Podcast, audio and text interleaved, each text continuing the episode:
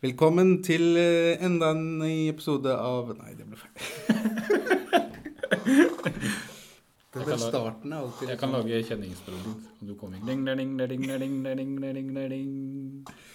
Velkommen til en ny episode av Pakkespodden. Jeg er Asaad Nasir, og sammen med meg har jeg Christian Slåen. Hei, Christian. Hallo igjen, ja.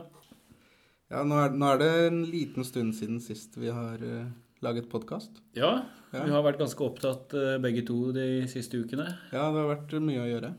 Vært mye å gjøre, og da blir det ikke så mye tid til å leke og ha det gøy. Nei. Men eh, ja, la oss gå rett på sak. Hva er det du har- driver med egentlig? Ja, hvor skal jeg begynne? Eh, kan jeg begynne med begynnelsen? Nei, for Ja, først så var det en søndag her for noen uker siden. Så var jeg i Tønsberg, Ok? invitert av eh, Vestfold fylkeskommune Mm. for å holde tale ved en sånn statsborgerskapsseremoni ja. for nye norske statsborgere. En tale. Ja. En formell og høytidelig anledning, da. Ja. Eh, mye folk og Hvorfor ble du eh, kalt dit for å tale, egentlig? Nei, jeg vet ikke akkurat hvorfor jeg, men eh, Ble du bare sånn random picked out, eller kjenner du noe der? eller? Nei, jeg kjenner ingen, men de hadde, de hadde um, sett noe i avisene eller mediene. Ja. Okay. Og meg, ringte meg da og spurte om jeg hadde lyst til å komme og holde en tale. Så du har altså vært med å liksom vie, vie, vie inn nordmenn? Ja, ikke sånn vie inn Det var jo, det var jo um, eh, fylkesmannen som tok seg av det, da. Ja. Men uh, jeg holdt en sånn tale jeg var gjestetaler, da. Ok, men hva er det du snakka om da? Altså, Nei, jeg snakka om uh, Jeg snakka om den norske karakteren. ok. Altså mer sånn liksom hvordan Hva som kjennetegner nordmenn, da. Mhm. Og da prøvde jeg å trekke noen linjer tilbake, og på en måte at eh, den norske karakteren kjennetegnes ved at man eh, har en sånn utforskertrang, på en måte. Altså reise ut til uante, ukjente steder og eh, trakk inn eh, Nansen. Nansen, ja. Ikke sant? Ja, ja. Så, blant annet. Eh, og så dro jeg en sånn sammenligning med at for min bestefar, da, Mm. som også kom til eh, Norge fra Pakistan. Han visste ingenting om landet, kunne ikke språket. Og jeg tenker i hvert fall at det er en sånn eh, ganske modig gjort, da. Mm. eh, for den generasjonen. Jeg vet ikke om, altså jeg tror ikke jeg hadde klart det. Å bare reise ut til et land som jeg ikke vet, eh, nesten ikke vet noen ting om, og ikke kan språket, og ikke vet hva jeg skal finne på der, eller Mm. hva som kommer til å skje. Det som på en måte en del innvandrere kommer til Norge med, da, Mm. eh, er jo typisk for på en måte hva nordmenn også har gjort i Ja. ganske lang tid. Mm. eh, historisk sett. eh, Men eh, jeg er bare litt nysgjerrig, for det Hvordan funker en sånn eh, norsk Eller hva kaller man de seremoniene? Statsborgerskapsseremoni? Ja, ja. Hva, hvordan funker det e- egentlig? Altså, det høres øyeblikkelig litt sånn kleint ut. Ja, og det var, det var første gang jeg var med på det. Eh, Så jeg hadde ikke eh, vært med på en sånn seremoni før. Og tidligere når jeg har hørt liksom forslag om at man bør gjøre det obligatorisk osv. Fordi i dag så er det jo eh, frivillig. Ok, så det var en Eh, frivillig ja, greie. Ja. Så det er liksom, man velger selv om man vil om man vil være med på det eller ikke. Mm. Um, men likevel så var det bortimot 200 nye statsborgere. Altså 200? nest, nesten 200 nye statsborgere som var der. oh, ja. eh, med familie og Så det var kanskje sånn til sammen 400-500 mennesker, da. ja, ja. Um, Men er Så- det sånn, følte du når du var der at det er sånn nasjonalistisk preg over det? nei. Nei. Nei, nei. Det var egentlig Så altså jeg, I forkant så tenkte jeg at det kanskje kom til å bli litt sånn nasjonalistisk og uh, hurra Norge og litt sånn Men det ble ikke det. Det var ganske fint, egentlig. Mm. Uh, og det er jo altså, et, Etterpå så tenkte jeg at uh, det var eh, det var ganske bra og hyggelig. og Det er jo formelt og høytidelig. Og i, i Norge så er vi ikke i Norge så er vi ikke så vant med så mange sånn høytidelige seremonier, da. Nei. Mens mange andre, eh, mange andre land så er man jo mer, eh, mer den type høytidelige, formelle seremonier. Ja, ja, ja. Eh, Så jeg tenker det egentlig, en, egentlig var ganske bra. Men om ikke jeg husker feil, altså er det sånn at man må også sverge troskap til visse verdier? Jeg husker ikke akkurat eh, ordlyden, Nei, men vi har jo PC her, da, så vi kan jo slå det opp. Og det lyder eh, som følger. Som norsk statsborger lover jeg troskap til mitt land Norge og det norske samfunnet. Jeg støtter demokratiet, menneskerettighetene og vil respektere landets lover. Ja, og det, jeg tenker det er helt greit. Det er Ja. ikke noe kontroversielt i den, eh, det troskapsløftet der. Nei, Jeg tror alle, alle kan slutte seg til eh, det. Mm, ja, ja, ja. Fra en ting til en annen. Du har vært på statsborgerskapsseremoni. Farta dit. Sprekt gjort. Ja. Men uh, hva annet da?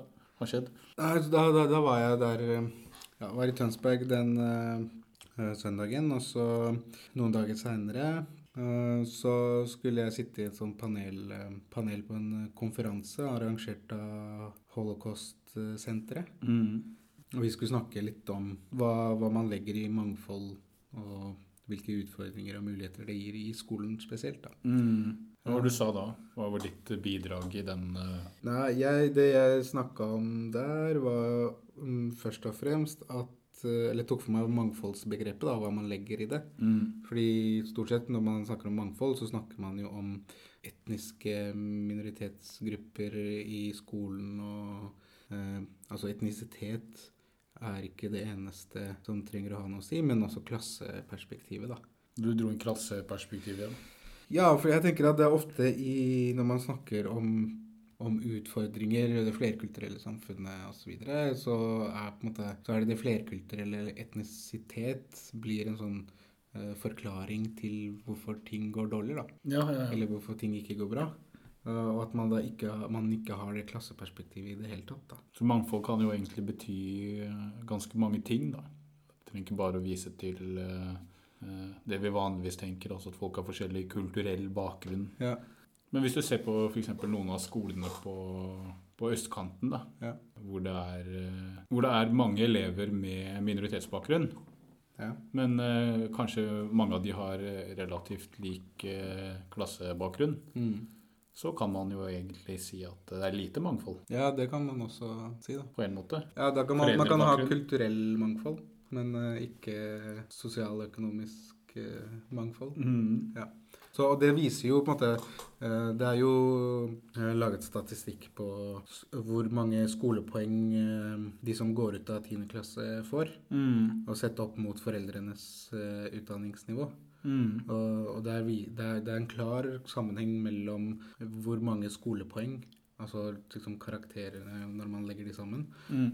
hvor mange skolepoeng elevene får, og hvor høy utdanning foreldrene har. da. Mm. Jo høyere utdanning foreldrene har, jo høyere skolepoeng har eh, elevene. Og da spiller det ingen rolle hvilken eh, etnisk bakgrunn man har. Det er på en måte utdanningsnivået til foreldrene Mm.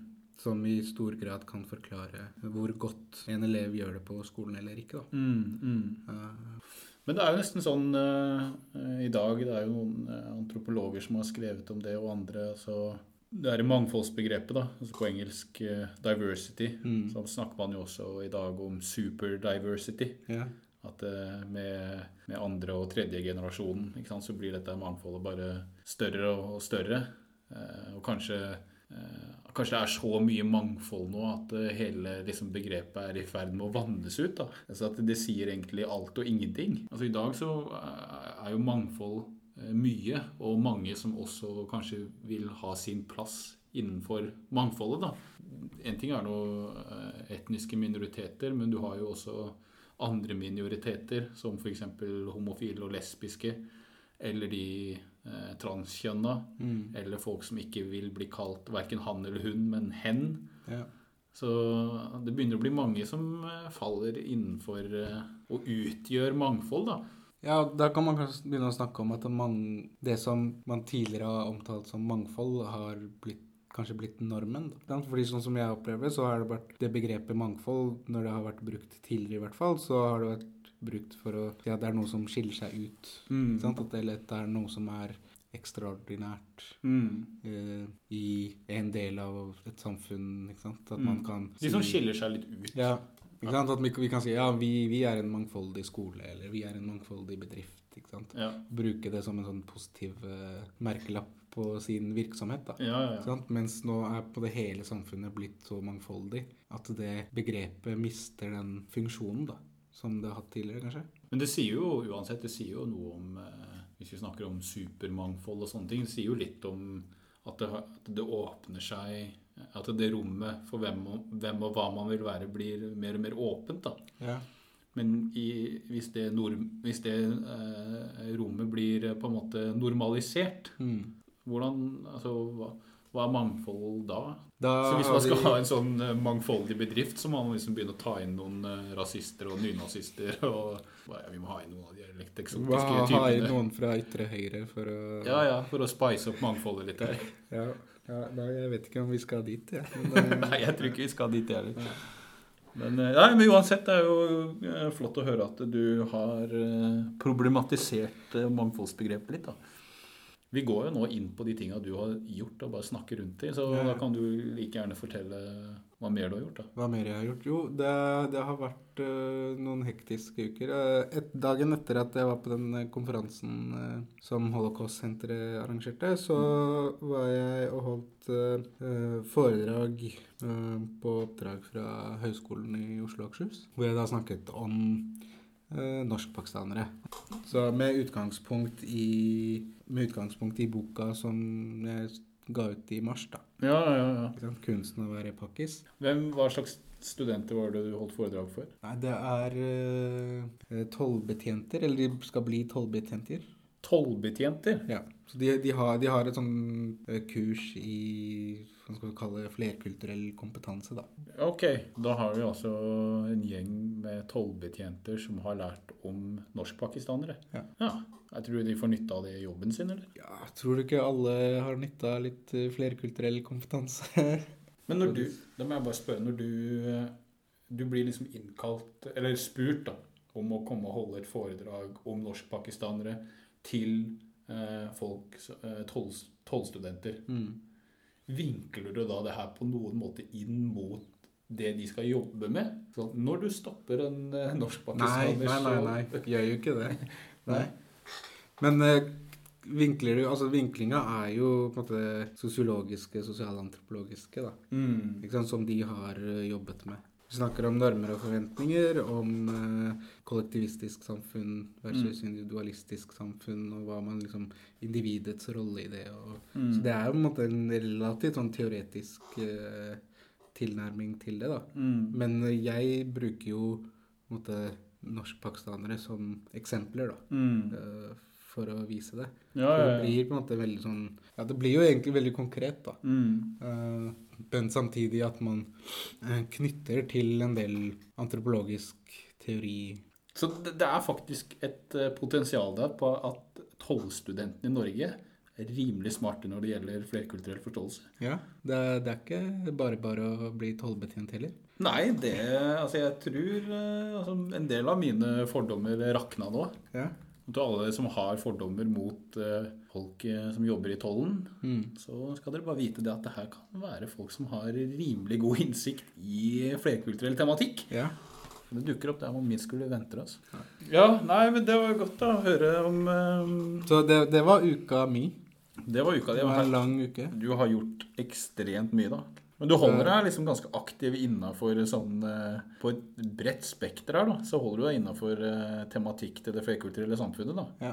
Altså fra statsborgerskapsseremoni til mangfold i skolen til å lære tollstudenter om norskpakistanere. ja. Så det er mye mat for podkast her.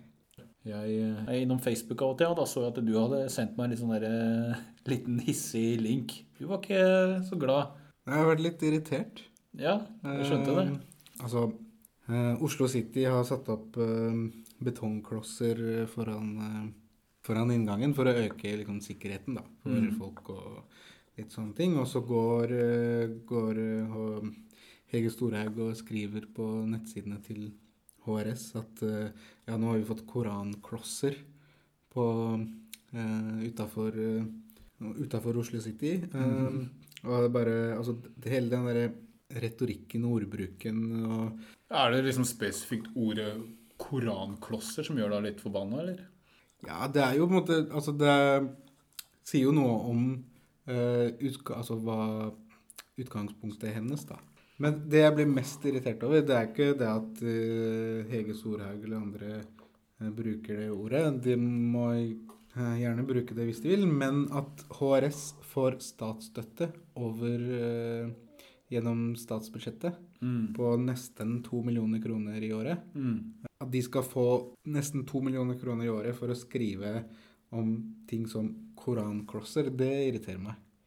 Uh, og jeg skjønner ikke hvorfor regjeringen fortsetter å uh, gi HRS den, uh, den statsstøtten. Da. Nei, det er ganske vanskelig å begripe, i hvert fall hvis vi ser hva som har vært eh, hensikten med de midlene som blir delt ut. HRS de får jo penger som skal være retta mot integrerings, nei, integreringsfremmede formål. Uh, ja. Og da er det jo ganske Ja, altså det er jo et, på en måte et eh, paradoks at, at en organisasjon får eh, penger for å fremme integrering, men har en eh, retorikk som gjør det Gjør det motsatte? Ja. Ja. Ja, ja, altså det, det er et paradoks, og jeg synes det, det er liksom enda rarere, da, sett i lys av at uh, det er ikke så lenge siden uh, Islamsk Råd Norge mistet sin støtte, Mm. uh, fordi de ikke gjorde det de fikk penger til, Mm. ikke sant? Og at da HRS gjør jo heller ikke det de får penger til, men de fortsetter å få penger. Så det er jo en viss dobbeltmoral her, da, fra regjeringens side. Men jeg syns ikke Jeg synes jo det Jeg henger meg litt opp i det her ordet korankloss. Ja. For jeg tenker at eh, når en organisasjon som får penger til å drive for å fremme integreringsarbeid, velger bevisst å bruke et ord som koranklosser Ja, da har de slutta å drive med integreringsfremmende arbeid, tenker jeg da. Ja, for det der er jo eh, Det er jo veldig stigmatiserende. Altså å koble rett og slett en, disse betongklossene til Koranen. Det er jo litt sånn rart, fordi han Joakim Lund i Aftenposten Mm. eh, skrev jo, også, skrev jo også en kommentar om nettopp dette. Og han skrev jo at hvis man skal ta utgangspunkt i terror som har skjedd i Norge, Mm. og man skal kalle disse klossene for noe som helst, så burde man jo kalle dem for bibelklosser eller kristenklosser, da. Ja, men blir du litt sånn eh, altså, Blir du litt sånn forbanna for det? Altså, her går du på en uke og eh, holder liksom eh, tre forskjellige foredrag, da. Du får jo litt penger, ikke sant, for det du gjør. Ja, Altså, det er ikke, det er ikke, du får ikke 1,8 millioner, Nei, men du nei. får eh, litt for å bidra. Ja. Og, eh, og du vil jo kanskje si at du, du bidrar til noe Til å bygge ned murer og drive en slags positiv forandring, da. Mm. Men så har vi da HRS, som også får penger for å drive integreringsfremmede arbeid, men gjør jo praktisk talt ikke en eh, god jobb i å fremme integrering. Er ikke bare ikke en god jobb, men de gjør jo det stikk motsatte. Uh, og, det er, og det er mange som er irritert over det. Så jeg håper at uh, i hvert fall opposisjonen og, og Kristelig Folkeparti og Venstre går inn for å ta fra HRS den statsstøtten som de får. da. Mm. det, håper jeg. det håper jeg at politikerne gjør nå, da. Jeg håper at eh, de går inn på den her eh, statsbudsjettposten sin, der det står Human Rights Service, 1,8 millioner, og så setter de en strek over der, eller de bruker blanko over der, og så skriver de Pakkispodden. Ja, Nå skal vi ikke ha så store forhåpninger om det, tror jeg. Men, eh, ja, men i, i det minste at de setter en strek over HRS, da. Det tror jeg hadde vært eh, bra. Så sånn oppsummert så har du hatt en eh, travel uke, gjort eh, masse greier og irritert deg grenseløst over eh, HRS. Ja. Men eh, i dag det ble jo en eh, litt annen stil på podkasten enn vi pleier. Det er jo sånn det skal være. Veien blir til eh, mens vi går. Men eh, neste gang så er vi jo litt tilbake i vårt eh, mer tematiske spor. ja. Nå har jo disse skamløse jentene vært mye i eh, media og gitt ut bok, eh, og det har skjedd mye på den fronten. Mm. Eh, og du skal også være med på et av eh, et sånt skamløst eh, arrangement. du skal være med rett og slett på et skamløst arrangement neste uke, da. ja. Kan du bare fortelle litt om det, sånn kort? Ja, litt kort. Det er, eh, temaet er jo sosial kontroll og ja, negativ sosial kontroll. Mm. Så jeg skal, ha, jeg skal på en måte snakke litt fra et sånn mannsperspektiv, da. Ja. Um, så jeg skal være litt sånn skamløs mann. Skamløs mann, ja. Ja. Sammen, sammen med disse skamløse kvinnene. Så, så det blir interessant. Ja, så Neste gang så skal vi jo rett og slett snakke om eh, den tematikken eh, Ja. skamløshet. Ja. Er det ikke det? Jo. Skamløse menn og skamløse kvinner neste gang på Pakispodden. Ja. Hadde du lyst til å si adjø igjen nå, eller? Jeg hadde litt lyst til det. Ja. Ja. Si det, da. Adjø.